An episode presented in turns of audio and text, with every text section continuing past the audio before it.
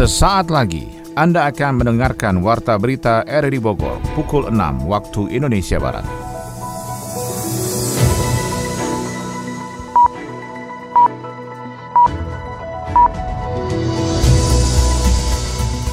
Selamat pagi, kami kembali menyapa Anda dalam Warta Berita edisi hari ini, Rabu 14 April 2021. Siaran ini bisa Anda juga pantau melalui audio streaming pada aplikasi RRI Play di smartphone Anda dan bisa Anda dengarkan juga lewat warta berita kami yang disiarkan juga oleh Radio Tegak Beriman Kabupaten Bogor, Jawa Barat.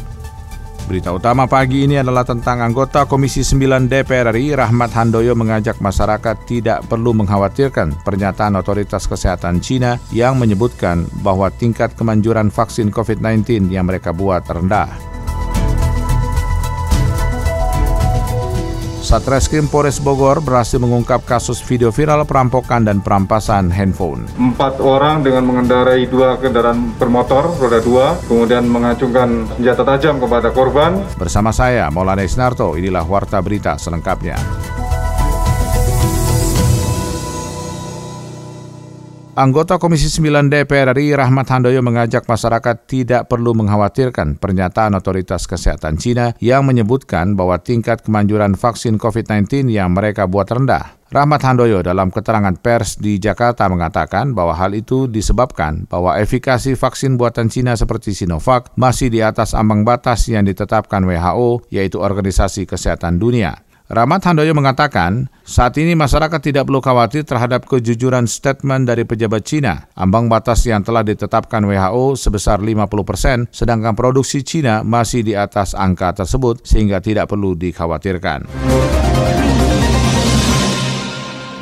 Satreskrim Polres Bogor berhasil mengungkap kasus video viral perampokan dan perampasan HP. Yofri Haryadi melaporkan. Dapat berapa? Pas kapan Pak? Yang di Jonggol ini dapat berapa? 350 Pak. 350. Kemudian yang sebelum-sebelumnya di Gunung Putri Beredarnya video viral di media sosial perampokan dan perampasan HP serta barang berharga di sebuah rumah makan awal Maret lalu oleh kelompok anak muda akhirnya diungkap saat Reskrim Polres Bogor. Empat video yang diunggah oleh pemilik CCTV di sejumlah laman medsos tersebut ternyata terjadi di Kabupaten Bogor, yakni tiga lokasi perampasan di Kecamatan Gunung Putri dan satu lokasi di Kecamatan Jonggol. Pengungkapan tersebut berawal dari sebuah laporan korban yang merupakan penyandang disabilitas Grahita dan Wicara yang dirampas HP-nya oleh empat orang di salah satu warung makan di Kecamatan Jonggol. HP korban akhirnya diidentifikasi melalui nomor email hingga diketahui lokasi terakhir berada di Cipayung, Jakarta. Hingga akhirnya diketahui nomor rekening pelaku dan alamat pelaku dari transaksi yang dilakukan oleh saksi lainnya. Dari sinilah tutur Kapolres Bogor AKBP Harun petugas menyelidiki jaringan komplotan remaja pemalak dan perampas dengan senjata tajam itu. Kami dari Polres Bogor dan juga Polsek Jonggol melaksanakan penyelidikan terkait dengan kejadian tersebut. Diawali dari adanya pengungkapan handphone korban yang dirampas pada saat itu oleh tersangka. Satu tersangkanya terlihat empat orang dengan mengendarai dua kendaraan bermotor roda dua, kemudian mengacungkan senjata tajam kepada korban.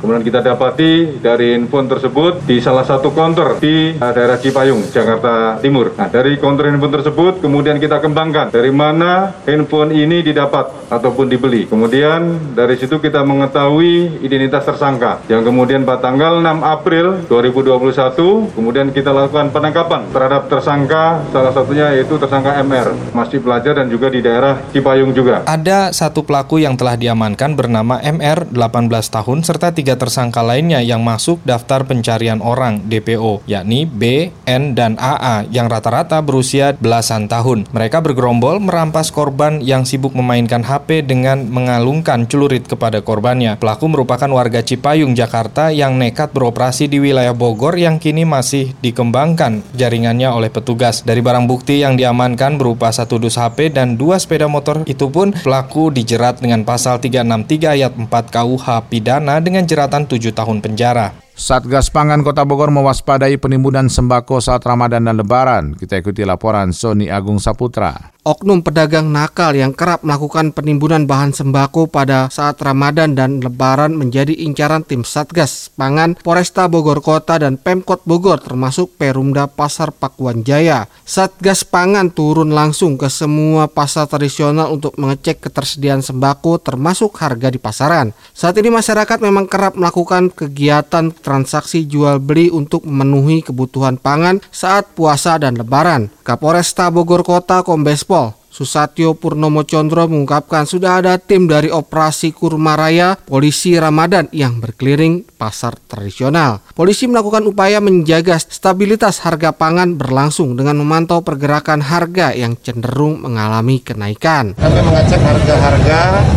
yang saat ini menjelang Ramadan tentunya permintaan itu banyak. Namun demikian alhamdulillah kami tadi menyaksikan langsung bahwa harga relatif semua masih standar tidak ada kenaikan. Polisi juga melakukan pengawasan peredaran barang konsumsi di pasaran agar tidak terjadi penimbunan. Selain itu, aparat gabungan juga melakukan pemantauan adanya dugaan barang tidak layak konsumsi saat puasa dan menjelang lebaran. Terkait dengan mekanisme distribusi barang, di mana kira-kira ini mengendap? Apakah memang disengaja atau memang karena mekanisme pasar yang harganya demikian? Ya. Polisian menyiapkan tindakan tegas terukur kepada semua pelaku penimbunan dan tengkulak yang mengambil keuntungan sepihak saat masyarakat membutuhkan sembako untuk keperluan puasa dan lebaran. Assalamualaikum warahmatullahi wabarakatuh. Saya Ati Hindari, Kepala RRI Bogor, mengucapkan selamat melaksanakan ibadah puasa 1442 Hijriah. Semoga diberikan kekuatan, kesabaran, dan ketakwaan. Amin ya Robbal 'Alamin.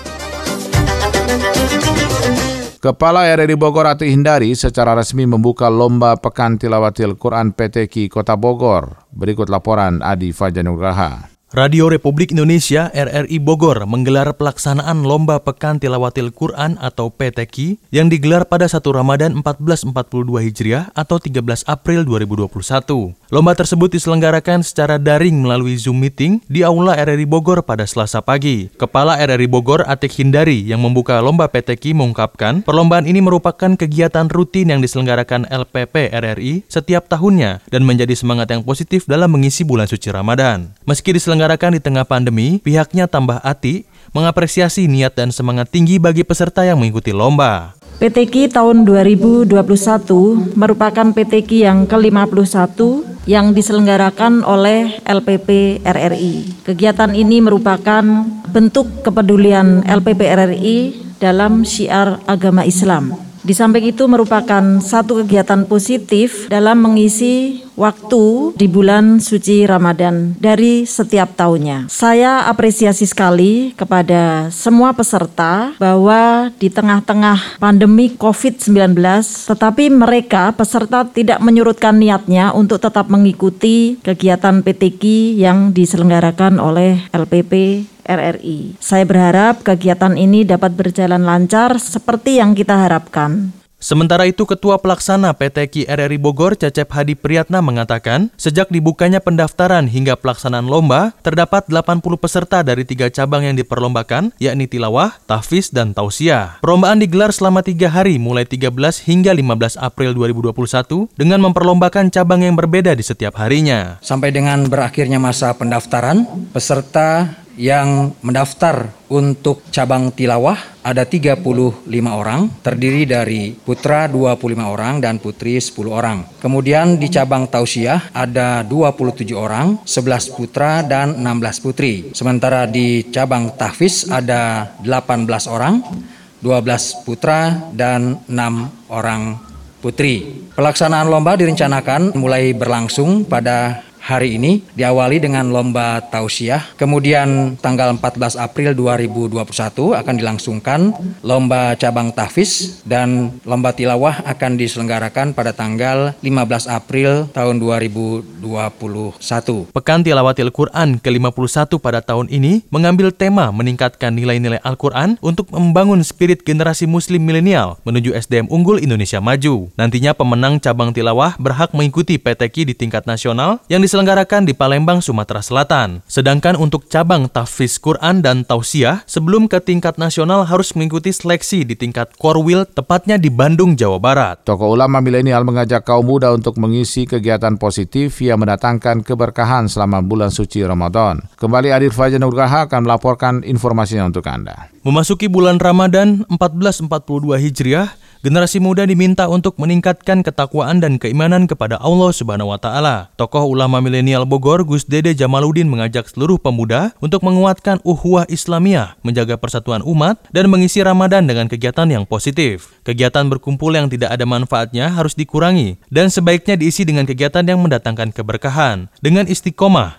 Gus Dede berpesan agar kaum muda harus menghindari godaan duniawi dan tetap berfokus pada ibadah. Ketaatan dalam ibadahnya tentu harus difokuskan lagi oleh teman-teman pemuda yang lainnya ketika sudah menjelang malam tidak harus kumpul bareng untuk main game ataupun apalah. Isi Ramadan ini dengan keberkahan, isi Ramadan ini dengan tilawatil Quran karena momennya kita tidak tahu umur kita ketika sudah selepas Ramadan itu ada atau tidak. Ini mumpung ketika Ramadan ya kita isi dengan hal-hal yang baik lah. Di samping pahala banyak di bulan Ramadan dan godaannya pun lebih banyak lagi. Makanya saya berpesan kepada teman-teman istiqomah itu ketika berbuat kebaikan itu sangat penting sekali. Bulan puasa adalah bulan yang sangat ditunggu oleh umat muslim sedunia. Sebab bulan ini saat paling tepat untuk mengembangkan diri dengan berbagai kegiatan positif pada bulan Ramadan. Kaum muda juga sudah saatnya menjadi agen perubahan pembawa syiar Islam yang menyejukkan bagi sesama manusia.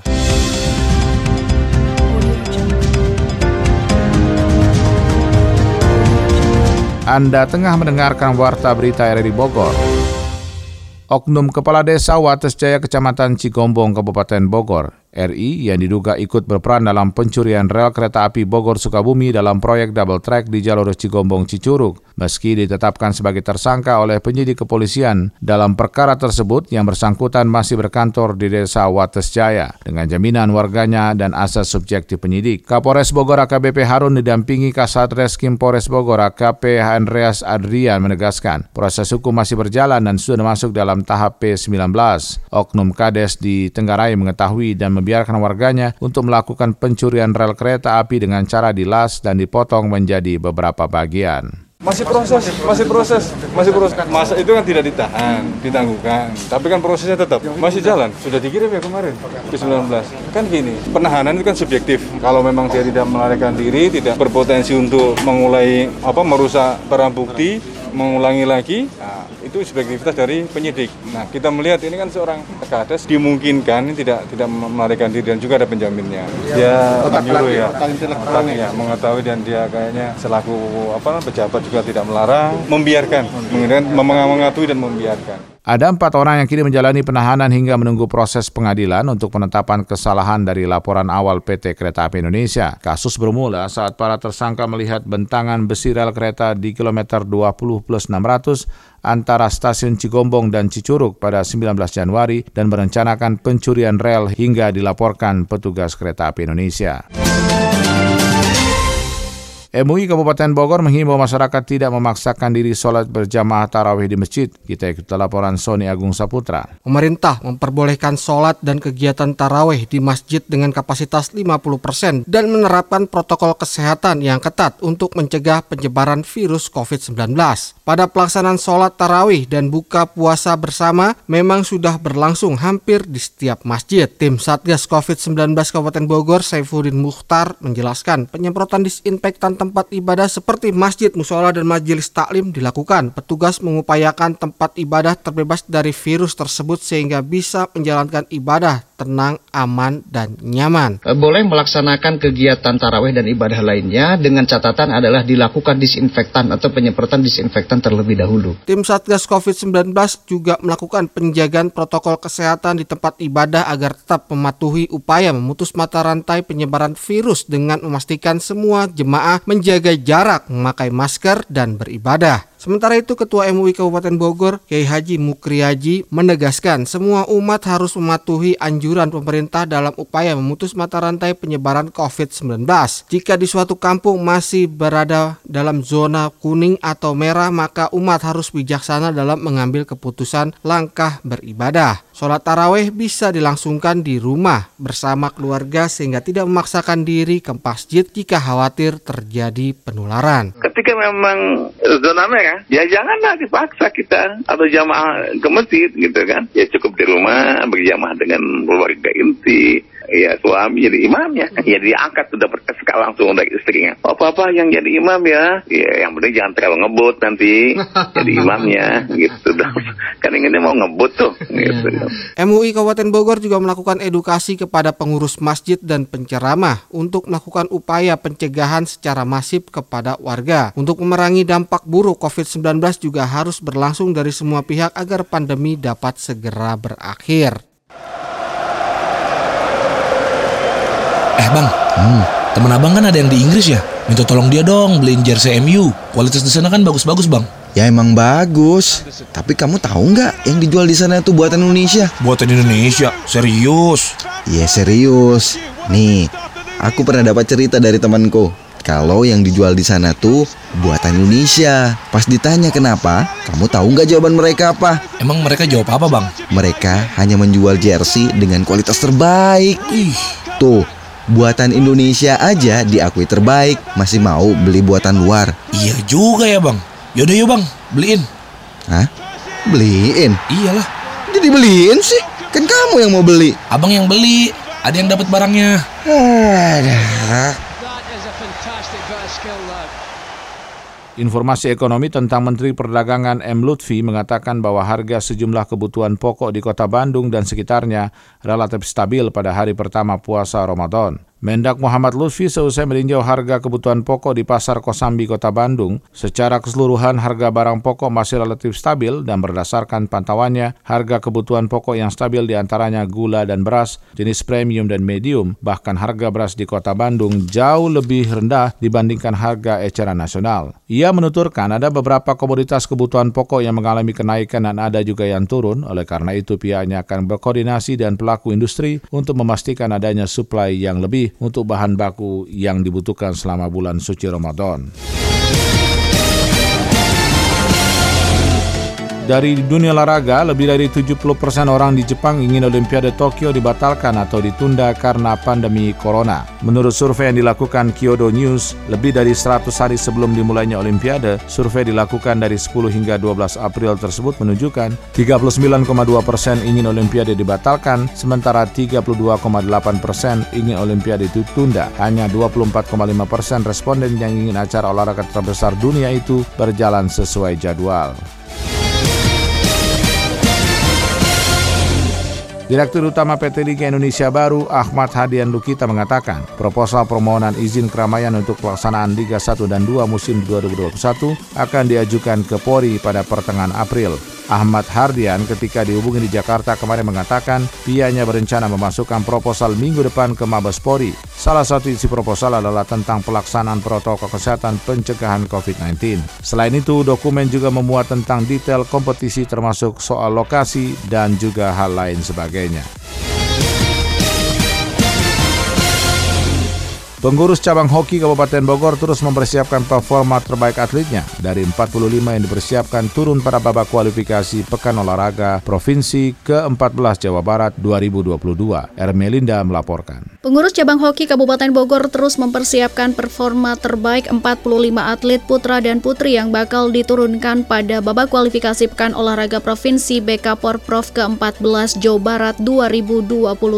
Ketua Umum Pengcap Hoki Kabupaten Bogor Muhammad Saifuddin mengatakan persiapan yang dilakukan oleh Pengcap Hoki Kabupaten Bogor terhadap 45 atlet yang tergabung dalam tim putra dan putri merupakan wujud dari Pengcap untuk bisa meraih tiket lolos dari zona BK Porprov 2021 sehingga kesiapan atlet menjadi skala prioritas tim pelatih. Ini dengan pengurus baru, kita kan baru pengurus baru nih, kita bergerak secepat mungkin karena kan kita sudah mendekati babak kualifikasi. Kemarin sudah dilaksanakan tes fisik untuk para atlet. Terus uh, tujuannya apa? Untuk mengetahui kekuatan sejauh mana atlet perkembangan dari sisi ototnya, geraknya, itu oleh pelatih-pelatih yang profesional. Untuk pengurusan baru yang sekarang, paling target utama sekarang kan kita mempersiapkan untuk babak kualifikasi.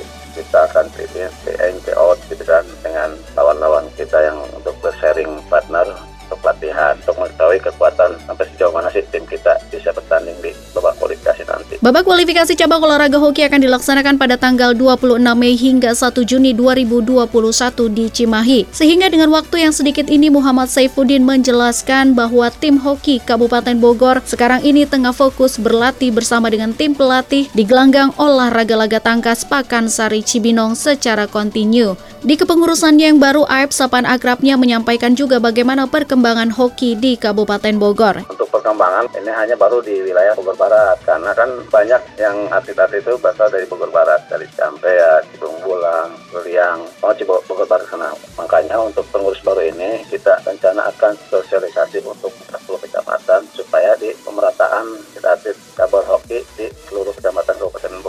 Selain itu, Aib mengatakan jika tim hoki Kabupaten Bogor masih akan diperkuat oleh beberapa nama atlet eksporda ke-13 Jawa Barat 2018 lalu. Untuk nomor yang akan dipertandingkan pada BK Porprov 2021 akan ada 5 nomor. Namun Kabupaten Bogor hanya akan menurunkan di nomor-nomor potensi medali. Sedangkan untuk target medali, Pengcap Hoki akan mempertahankan prestasi emas yang telah diraih pada Porda 2018 lalu yakni dua medali emas.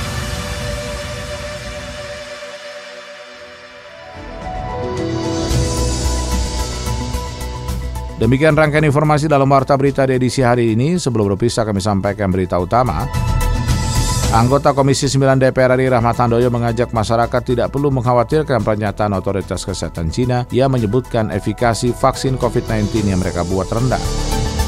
Satreskrim Polres Bogor berhasil mengungkap kasus video viral perampokan dan perampasan telepon seluler. Siaran ini bisa Anda dengarkan juga lewat audio on demand di Spotify, Anchor, Portal, dan Google Podcast. Saya Maulana Sarto mewakili kerabat kerja bertugas mengucapkan terima kasih atas perhatian Anda. Selamat pagi, sampai jumpa.